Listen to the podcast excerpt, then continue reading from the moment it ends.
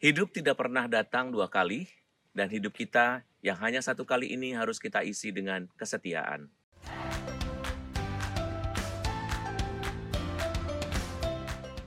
Saudara-saudari yang terkasih dalam Yesus Kristus, kesetiaan adalah kepunyaan Allah, karena Allah selalu setia.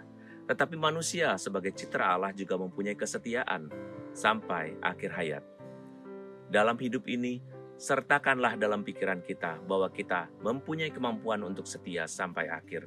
Sehingga ketika kita belajar untuk menjadi setia atau bahkan kita dapat setia, kita merasa puas bahwa kita sudah seperti Allah sebagiannya, yaitu kita sudah berani untuk setia sampai akhir dengan panggilan kita sebagai orang tua, sebagai pelajar, sebagai pekerja, sebagai pelayan, atau sebagai religius.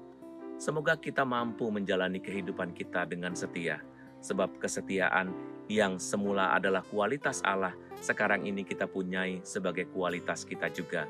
Semoga Anda juga terinspirasi untuk menjadi setia melalui hal-hal yang kecil, melalui hal-hal sederhana.